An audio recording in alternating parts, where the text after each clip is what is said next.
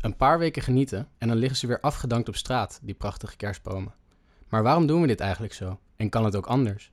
De Gezonde Stad en Midwest Amsterdam introduceren graag Nancy Wiltink. Nancy was op zoek naar een duurzamere aanpak en begon op eigen houtje een Amsterdams kerstbomenbos. Hiervoor dook zij in de geschiedenis van de kerstboom en deelde haar verhaal met ons. Luister verder en laat je inspireren door dit kerstboomverhaal van Nancy Wiltink.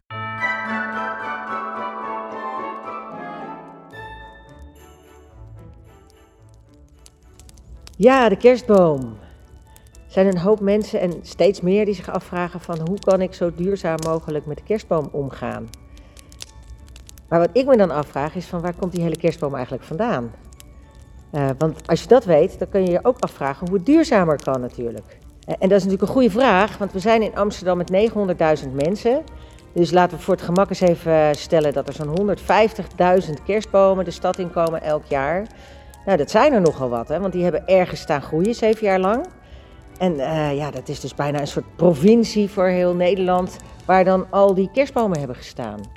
Waarom hebben we eigenlijk een kerstboom in huis? Waar komt dat vandaan? Nou, zijn er altijd mensen die zeggen uh, dat komt uit de Germaanse tijd, want het is natuurlijk de zonnewende eigenlijk. En uh, dan is het eerst donker en dan wordt het weer licht. Dus dan haalden de Germanen groen in huis. Nou, ten eerste was er helemaal niemand bij bij die Germanen. Ze konden ook niks opschrijven, dus dat denken we maar. Maar dat is niet het hele verhaal, want ze haalden niet een boom in huis. Waarom een kerstboom? Ik ben er eens ingedoken en ik deed een uh, eigenlijk best wel verrassende ontdekking. Omdat ik dacht van ja, het kan niet uit het kerstverhaal komen, want daarin komt geen enkele boom voor. Je hebt de herders op het veld, zonder boom. Je hebt de Jezus in de stal, zonder boom. Je hebt de drie koningen die komen door de woestijn, er zit ook geen boom in. Dus dat kan het niet zijn. En toen kwam ik er toevallig achter dat in de katholieke kerk, dat ze op 24 december, dus de dag voor kerstmis, eh, een heel ander feest vieren. En dat is namelijk Adam en Eva-dag.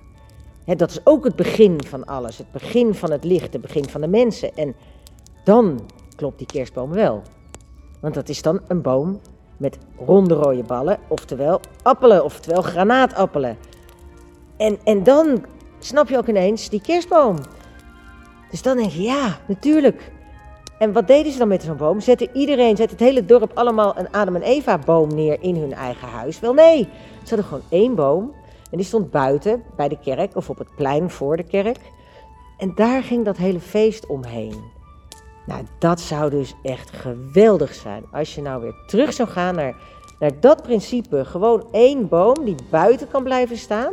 Wat ook fijn is voor de boom, want buiten is het veel beter voor een kerstboom dan binnen. Je hangt hem vol met echte appelen, zodat de vogels er ook nog wat aan hebben. En dan ga je er met z'n allen, met de hele buurt omheen staan, kerstliedjes zingen en chocomel drinken en uh, feestvieren buiten. Nou, en in deze tijden van corona ben je dan natuurlijk helemaal goed bezig. Dus ik zou zeggen, waar wachten we op?